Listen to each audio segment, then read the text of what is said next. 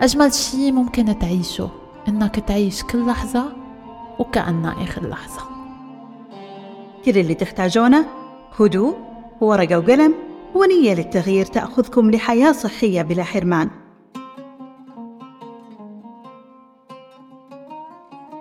إزيكم يا جماعة؟ الحلقة دي من البودكاست المفضل هيكون فيها ملخص ممتع ومفيد. لحظات وتبدأ رحلتنا التالتة في عالم البودكاست. ففي دراسة ل 25 حادثة قتل جماعية في مدارس أمريكا تبين أن 23 حالة منها هي ردة فعل القاتل تجاه مشاعر الإقصاء من زملائه في المدرسة مثل التنمر والنبث والتجاهل. وإن كلمة لا بتخليك تخسر اللي حولك وتأثر على علاقتك فيهم. موافقتك الدائمة تقلل من قيمتك وتعرضك للاستغلال بسهولة. وهالشي بيخليك تنتقد نفسك بشكل دائم وتحس بالغضب على نفسك. كان في زمان ولد صغير الناس كلها بتقول عليه إنه ولد طيب كده وجدع وأهله وأصحابه والناس كلها كلها بتحبه. الولد ده كان غالبا يعني بيسمع كلام أبوه وأمه بالحرف وتعود إنه دايما يقول حاضر طول الوقت. ولما كبر شوية بقى أي حد بيطلب منه حاجة ما بيتأخرش. دايما برضه يقول حاضر. أكيد. م- تحت أمرك. ولما سافر بقى يقول أمورك طيبة يعني يصير خير. ومع التقدم في العمر ومع تطور ظروف الحياة بقى وقسوتها عليه وعلى الكل يعني لسه برضه بيقول حاضر وبينفذ أي حاجة بتطلب منه بس بدأ يضحي شوية عشان خاطر غيره. بقى يجي على نفسه وعلى صحته حبتين. يقول ماشي مش مهم. المهم اللي حواليا بيحبوني. شخص زي ده ما طبعا لازم الناس كلها تحبه. الشخص ده للأسف صعب يقول لأ. بيتكسف بقى ولا خايف إن الناس تتضايق منه عايز دايما الناس تبقى محتاجاه ما تفهمش. طيب تفتكروا بقى هل بالضرورة إن الشخص ده يكون سعيد في حياته؟ للأسف لأ. حتى لو كل الناس اللي على الكرة الأرضية بتحبك أنت في الحالة دي مش هتكون سعيد. أنت محتاج تتعلم إنك تقول لأ. تعالوا أنا وإنتوا نفهم كده مع بعض إزاي وليه لازم نتعلم كلنا إن إحنا نقول لأ. ومو المهم إنك تعرف كيف تقول لأ. المهم إنك تعرف متى تقولها وليش تقولها. الحلقة المميزة اللي بنتكلم عليها هي حلقة من بودكاست رذاذ بعنوان كيف تقول لا؟ حلقة قصيرة لكن مفعولها قوي جدا الحقيقة. تأثيرها عليك هيكون تأثير إيجابي وصحي. هتحس بتحسن كبير جدا لما تفهمها وتبدأ تطبقها في حياتك. أنا سامع دلوقتي حد بيقول في سره لا لا لا لا. أنا ما بعرفش أقول لأ. مش هقدر حتى أتعلم أقول لأ. أحب أقول لك هتقدر. مادام عندك رغبة إنك تتخلص من عادة إرضاء الناس تتعلم تقول لا فأنت تقدر تحقق هذا الشيء. حلو يعني مفيش حجة. نقول لأ إزاي؟ تقدر تبدأ بأنك تنتبه لكل مرة تقول فيها كلمة إيه. حاول تقولها بوعي ولا تقولها بتلقائية. وكل مرة تنحط بين خيار أنك تقول إيه لغيرك على حساب تقول لأ لنفسك. فدائما اختار نفسك. أعط لنفسك أولوية. وابدأ ارفض الأشياء الصغيرة اللي تأثر عليك وما تحتاجها. مم. يعني بداية الحل مثلا إني أبدأ أركز جدا الفترة اللي جاية إنه لما حد يطلب مني طلب أو خدمة مثلا ما استعجلش. ما استعجلش على طول في الرد بأيوة حاضر تمام. لا أفكر شوية وأحسبها قبل ما أوافق. هل أقدر أعمله اللي هو عايزه ده من غير ما أجي على نفسي؟ لو أقدر ومش هخسر بأي شكل من الأشكال يبقى ليه لأ تمام. إنما بقى لو لقيت نفسي هخليه هو الأولوية وهقدمه على نفسي واحتياجاتها يبقى لأ. وما تخافش. لو بيحبوك وبيحترموك مش هيزعلوا منك. فكر كم مرة سمعت فيها كلمة لا من أهلك وأصدقائك. هل كرهتهم بسببها؟ طبعا لا. وبالعكس ممكن تكون تحبهم وتحترمهم أكثر لهذا السبب. خذ قوتهم وشجاعتهم هذه قدوة لك. بالظبط حلو جدا. واللي هيزعلوا منك بقى أو يبعدوا عنك ويختفوا دول الاستغلاليين اللي اللي ما يقدرون التزاماتك الشخصية ولا حدودك ولا يحترمون وقتك وجهدك وطاقتك. ها والله هو الإنسان إيه غير شوية طاقة. لما تبدأ تقول لأ في المواقف الصغيرة دي مع الوقت هتلاقيك بتعرف تقول لأ للحاجات الكبيرة اللي تأثيرها عليك بيكون أكبر أو الضغط اللي بيجي من وراها بيكون كبير جدا عليك. والله حلو جدا جدا الكلام ده. حلقة ممتعة بجد. عشان تتعمقوا فيها أكتر وتفهموا أهمية كلمة لأ في حياتنا يا ريت تسمعوا الحلقة الكاملة. بودكاست رذاذ حلقة كيف تقول لا. طيب أنا أنا سامع حد تاني بيقول في سره برضه. طيب ما أنا أريح دماغي بقى وأفضل أقول لأ لأ لأ عمال على بطال لأي حد وأي حاجة بتطلب مني. لكن انتبه إنك تستخدم كلمة لا بشكل دائم وتعتبرها مقياس لقوتك وتقول لأ بمجرد الاعتراض فقط. هنا أنت وضعت نفسك في مكان أسوأ وأبشع من المكان اللي تكون فيه لما تكثر من كلمة إيه. أيوه خلي بالك. حاول توازن يعني. في بقى ناس تانية لما بتقول لهم لأ بحزم ممكن يعملوا لك block. أو ممكن ردة فعلهم تبقى سيئة جدا لدرجة إنه أنت اللي تضطر تعمل لهم block. فعلى سيرة ال block الحلقة المميزة اللي هنتكلم عليها دلوقتي بتناقش المفهوم ده. الإقصاء هو أي إحساس بالتجاهل أو القطيعة أو الرفض أو النبذ؟ لا لا في الحقيقة الإقصاء حتى أوسع من كذا. من فترة مش بعيدة كده عملت block لأكتر من شخص عندي على ال social media. من ضمنهم ناس يعني ما أعرفهمش تماما. يعني مثلا من ضمنهم واحد كان شايف إن أنا أسعاري غالية جدا في ال في ال voice over فدخل يشتمني على ال social media بتاعتي كلها على إنستجرام ويوتيوب. ما علينا تمام. بس في بقى ناس تانية عملت لها برضو block الناس دي قريبة جدا من دايرة علاقاتي الأسرية والشخصية. ناس أعرفها يعني أو اتضح لي إن أنا لسه معرفهاش المهم كانت فترة شوية سخيفة. يعني كان فيها ضغط كبير عليا و... وكنت حاسس إن أنا مستنزف من جميع النواحي. يعني حاسس إن أنا مش مرتاح لا جسديا ولا نفسيا. ف وأنا بدور على حلقات بودكاست كده لذيذة عشان أسمعها. حلقات حلوة كده أستمتع بيها وأنا بسمعها وأستفيد منها وأجي أحكيها لكم. ظهر قدامي برومو عجبني جدا لبودكاست جديد من إنتاج إذاعة ثمانية. الحلقة الأولى منه بتناقش مفهوم الإقصاء. قلت أوبا لا لا تمام قوي أنا لازم أسمع الحلقة دي. واضح كده ان إحنا لازم نخصص فقرة في كل حلقة من البودكاست ده ان إحنا نتكلم على إذاعة ثمانية. بصراحة الناس دي ناس جامدين قوي. يعني أنا حاسس بغيرة شديدة جدا من ناحيتهم الصراحه يعني غيرة صحية أكيد. المهم إنه الحلقة اللي بتكلم عليها دي هي حلقة بعنوان كيف نتعامل مع مشاعر الإقصاء والتجاهل من بودكاست آدم مع الدكتور محمد الحاجي. فيلا بينا نتعمق فيها سوا وأحكي لكم إزاي هي ساعدتني إن أنا أحاول أفهم نفسي واللي حواليا بشكل أحسن. وهل وصلت فيها لإجابة عن السؤال اللي محطوط كعنوان للحلقة؟ هل هنعرف فعلا نتعامل مع مشاعر الإقصاء والتجاهل؟ يلا بينا مين اللي عنده احتمالية إنه يعيش ويعمر في حياته؟ زيد اللي يعيش في خيمة لوحده في الربع الخالي أو بدر اللي يعيش وسط عائلته في أحد أحياء الرياض مثلا في الغالب زي ما الدكتور محمد جاوب إنه الحسابات بتصب في صالح اللي عايش وسط أهله وأصحابه ده متوقع ان هو يعيش بشكل أطول وأحسن لأنه مثلا لو تعب في ناس حواليه تقدر إن هي تساعده إنه يحقق مكاسب صحية ونفسية كتيرة جدا من ضمنها مثلا حاجة زي تقدير الذات. في حين إن الشخص اللي عايش بعيد أو معظم الوقت يعني بيقضيه لوحده ده شخص أكيد بيتعب وبيخسر كتير وبيتولد عنده حاجة ماسة للانتماء للجماعة. هذه الحاجة الماسة للانتماء برمجت دماغ الإنسان عصبيا على أهمية أنه لازم يكون مقبول من الآخرين وخلته يخشى كل أنواع الإقصاء. فأصبح لزاما على الإنسان أنه يكون يقظ بشكل دائم. تشكلت عنده أداة ذهنية تساعده على تقييم مشاعر الآخرين. اصحى اصحى. ده عقلك بيقول لك الكلام ده. فلان ده قال كذا ده ده شكله مش بيحبك أو شكله كده مش متقبلك. يا عم إيه ده؟ ده ده مش مرتاح لك خالص. شفت شفت شفت شفت؟ ده هو الوحيد اللي ما ضحكش ولا ابتسم حتى لما أنت قلت النكتة الفلانية دي في في الشغل وسط زمايلك. يعني ده, ده كلهم ضحكوا إلا هو. لا لا لا. لا لا لا اصحى. دماغك ده ده مخ ابن لذينة دماغ شغالة مش بتنام. طب المهم كل ده أصلا المخ بيعمله في سبيل إيه؟ كل ده؟ المخ بيعمله في سبيل إنه ينبهك ويحاول يجنبك إنك تتعرض للإقصاء.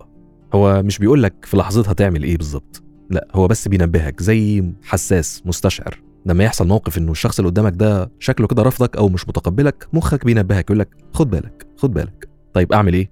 أشغل مخي؟ أعمل إيه يعني؟ طيب أنا هقطع العلاقة دي خالص. هقطعها أنا الأول حتى قبل ما أتأكد إن الشخص اللي قدامي ده مش متقبلني أو يعني مشاعره ناحيتي دي مش متأكد إذا كانت مشاعر كره ولا حتى عدم ارتياح لا لا. أنا هقطع العلاقة وأريح دماغي. هذه الخطوة الاستراتيجية هي محاولة للتحول من المفعول به إلى الفاعل من المغلوب على أمره إلى المستبد. كل هذا لأجل الحفاظ على السيطرة والنفوذ. كل هذا في سبيل الحفاظ على الأنا فالإنسان ولأجل أن يحمي نفسه بالغ في صناعة الرادار وأصبح حساس جدا في ترجمة سلوك الآخرين. طيب ك conclusion للحلقة دي إنه بشكل شخصي أنا وصلت لإجابة عن سؤال عنوان الحلقة.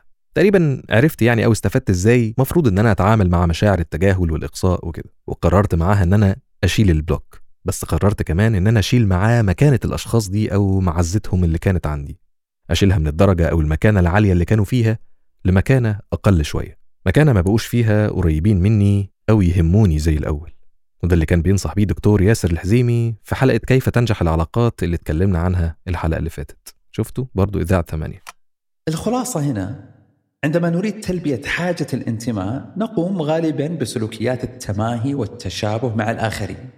ولكن قد يلجأ البعض للعدوانية كوسيلة لاسترداد السيطرة والتحكم. فنحن متأرجحون بين هذه وتلك. اسمعوا يا جماعة وتابعوا بودكاست آدم لأنه فعلا عظيم. سرد قصصي عظيم متعوب عليه جدا وبيشرح كمان تفسيرات علمية بشكل مبسط قوي. وآه بيتعرض فيه تجارب لناس بتشارك المواقف اللي اتعرضت فيها لتحديات نفسية كتير. ده غير إنه يعني طبعا متنفذ بشكل تقني أكثر من رائع. هندسة صوت وأداء صوتي أصلا للدكتور محمد الحاج يعني حاجة عشرة على عشرة. ممتع جدا ولا يمل منه. شكرا يا جماعة. اللي بعده. مرحبا. لو سبق وكتبتم في محركات البحث كلمة diet أو رجيم فأكيد دخلتم في دوامة لا نهاية لها. ومصطلحات الكثير منا ما كان عنده خلفية عنها. keto، Atkins، رجيم النقاط، نظام السعرات والقائمة تطول. أنا واحدة من الناس اللي جربوا بعضها. ولعدم الاستمرار تنتهي محاولاتي بالفشل. لما سمعت بودكاست فنجان. وتحديداً الحلقة اللي استضاف فيها عبد الرحمن أبو مالح الدكتور عمار العمار المتخصص في كيمياء الغذاء. أنت ضد الرجيم. أنا ضد الرجيمية لأنك ضد حصر أي شخص. أي شخص تحطه بزنزانة وده يطلع مهما كان لا تحبسا تقول لي احسب سعرات احسبها كم سنة؟ خمس سنوات؟ شوف بعد الكلام هذا لا يفترض أنه يكون في واحد سمين أوه. تصريح خطير هذا لا يفترض أنه يكون في واحد سمين بعد هذه الحلقة بدأت تتضح لي الصورة وأعرف وين الخلل من الأساس عشان أبدأ في علاجه.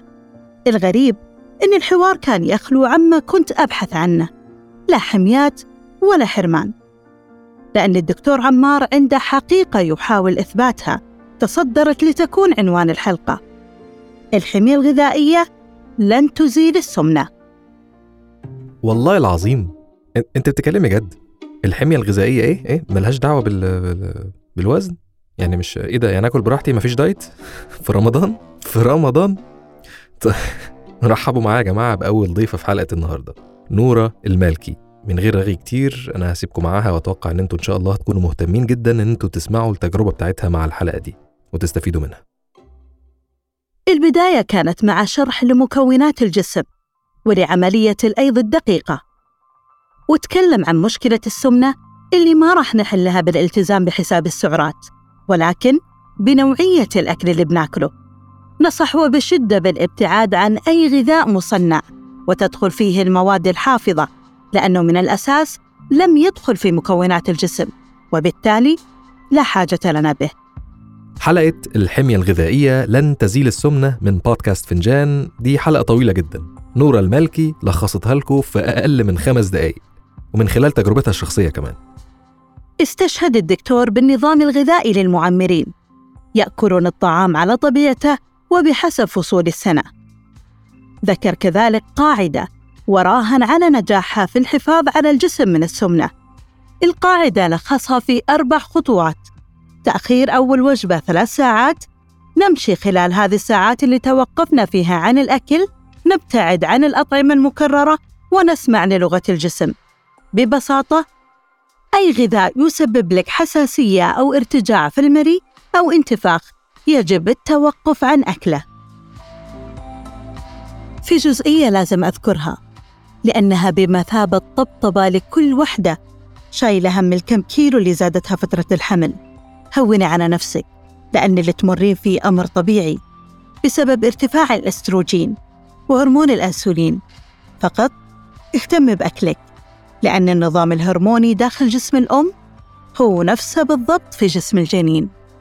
تكلم الدكتور عمار بإسهاب عن المكملات الغذائية واختلاف الأجسام في تخزينها للدهون وفكرة الوجبات الثلاث وانتهى اللقاء بالحديث عن الشكل الأمثل لعملية الأيض وعلاقة البيئة بالنظام الغذائي. الحلقة كانت طويلة ولكن سهلة الهضم كما وصفها أبو مالح. متأكدة راح تحصلون على الكثير من الفائدة. كل اللي تحتاجونه؟ هدوء ورقة وقلم ونية للتغيير تأخذكم لحياة صحية بلا حرمان أو قوائم غذائية مرهقة. أتمنى لكم استماعا ماتعا. شكرا بجد على الملخص الجميل ده لحلقة تانية مميزة من بودكاست فنجان. يعني صوت نورة بصراحة صوت مريح جدا ولغتها جميلة وصياغتها سلسة. شرفتيني بجد في الحلقة دي ويا ريت إن شاء الله إن إحنا نسمع بودكاست كامل بصوتك. وانتوا كمان يا جماعة أنا مستني جدا مشاركاتكم معايا في البودكاست ده. ابعتوا لي تسجيلاتكم أو الحلقات المميزة اللي حبيتوها على الواتساب. الرقم هتلاقوه في وصف الحلقة وفي وصف البودكاست على كل المنصات. اسمعوا بقى الحدوتة اللي جاية دي بصوت زميلتي كاتيا سعد. وركزوا قوي في التفاصيل. تخيل تخيل معي. شخص واقف على حفة وإيده هي اليوم حاميته ومعلقته بين الحياة والموت. وفجأة بلحظة تفلت إيده وفجأة بيطير بالهوا عيونه عم تطلع بالسما قبل ما تصير على الأرض وعلى هالطريق هو ونازل نزول نزول عقله فصل كليا عن الواقع. وأول ما وعي حس بشي واحد طعمة تراب عشفافه وأول ما حس عباله يصرخ كرمال حدا يسمعه وينقذه. بيسمع أول صوت بيطلع من شفافه هو همس بيطلع بعيونه لفوق طلوع وبيرجع له شريط الذكريات على المكان اللي كان واقف فيه هو وحبيبته. وكيف تخبى كرمال يحمي حبيبته. وبلحظة ثواني قليلة بيصير اللي صار. وفجأة بيلاقي حاله على الأرض مش قادر يتحرك. ناطر مين ينقذه هيدا منه خيال؟ ولا وهم ولا حتى فيلم. هيدا اللي عاشه الكاتب مراد عليان وكتبه بقصة بعنوان جرامافون. واللي أنا سمعت قصته ببودكاست تخيل مع طارق سكيك. أنا بلحظة ما صارت هاي الحركة مخي توقف عن التفكير عن جد قد لحظة وحدة كافية إنها تغير حياة كاملة وتقلبها رأسا على عقب. بس لو شو ما صار ولو شو ما انقال تبقى إرادة الله أكبر من أي علم وأقوى من أي عجز فيزيولوجي. مراد هو وعلى سرير المستشفى وبعد كذا شهر من الفحوصات والعمليات. تخيلوا إنه يسمع طبيبه عم بيقول لوالده 29% نسبة نجاح العملية.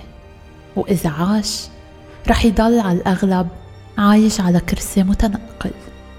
هيدا أكيد أصعب تشخيص ممكن يسمعه شخص عن حالته خاصة شخص بوضع مراد اللي كانت حياته قايمة كلها على الحركة لأنه هو شخص رياضي وبيعزف وبيكتب شعر وفجأة كل حركة جسمه وقفت وبطل في شي بإيده يقدر يعمله ولا حتى يقدر يحقق أمنيته بأنه ينهي حياته. فوقتها صرت أفكر أنه أنا لازم خلص لازم أنهي حياتي لأنه مش ممكن أكمل حياتي بالطريقة هاي. مراد اللي قرر يتخلى عن حياته بس ما كان قادر على هيدا الشي. عاش حقيقة تخلي أشخاص عنه ومن بينهم حبيبته اللي تخلت عنه بلحظة سقوطه ورجعت تخلت عنه بلحظة عجزه. وبدل ما يلومها أو يحقد عليها قال لها شكرا. شكرا. ولا لا. فعلا. لو إنه ما فعلا. صحيح. وتحول الاستسلام لإرادة وشفا وبعد رحلة طويلة رجع مراد يمشي بس وصل لمرحلة وكأنه عم بيستحي من المشي. كان ينطر أوقات ساعات بقلب السيارة. تيفضى الشارع اللي هو فيه قبل ما ينزل ويدخل على مقهى أو أي مكان. بيكون متواجد فيه. مع الوقت بينكسر هالحاجز وكتير حواجز صغيرة ومنها كيفية إتمام دراسته. لوصل اليوم إنه يستلم مراتب عالية بمجال عمله بالموارد البشرية ويكون حتى دكتور جامعي. مراد اللي بلحظة استسلام اعتبر إنه ما في شي ممكن يحققه بهالحياة. هو اليوم مراد اللي قال أنا راضي عن نفسي وعن يلي حققته. وبدل الاستسلام قرر الإنجاز. أنا راضي راضي عن نفسي أكثر من إني فخور. أنا راضي عن اللي حققته. يعني أنا كان بإمكاني أختار الطريق السهل إني أكون عالي على الناس. حدا يصرف علي الناس يوديني يجيبني بس أنا ما سمحت إني أكون بالعكس. أنا الحمد لله تمكنت إني أفيد ناس كثير. أنا هذا أكثر شيء بنبسط فيه. لما أتمكن إني أفيد إنسان ثاني. قصة مراد هي درس إنه أمام كل عجز في إرادة إلهية أقوى منا. بتمدنا بالقوة وبتشحننا طاقة. مش بس لنحقق شي بل لنحقق أكتر من إنجاز. لنعرف حقيقة أشخاص حوالينا وإنهم قبل كل تخلي في عناق جديد. وناس بيمشوا معنا الطريق كرمال ما نضل محلنا وبتبقى الحياة مرهونة بلحظة. وصدقني أجمل شي ممكن تعيشه إنك تعيش كل لحظة وكأنها آخر لحظة. شكرا يا كاتي على الملخص الممتع ده لحلقة من بودكاست تخيل. شكرا ليكم أنتوا كمان يا جماعة على استماعكم وأتمنى الحلقة تكون عجبتكم. نتقابل إن شاء الله قريب في رحلة جديدة. أنا محمد علي وده البودكاست المفضل من أخبار الآن بودكاست.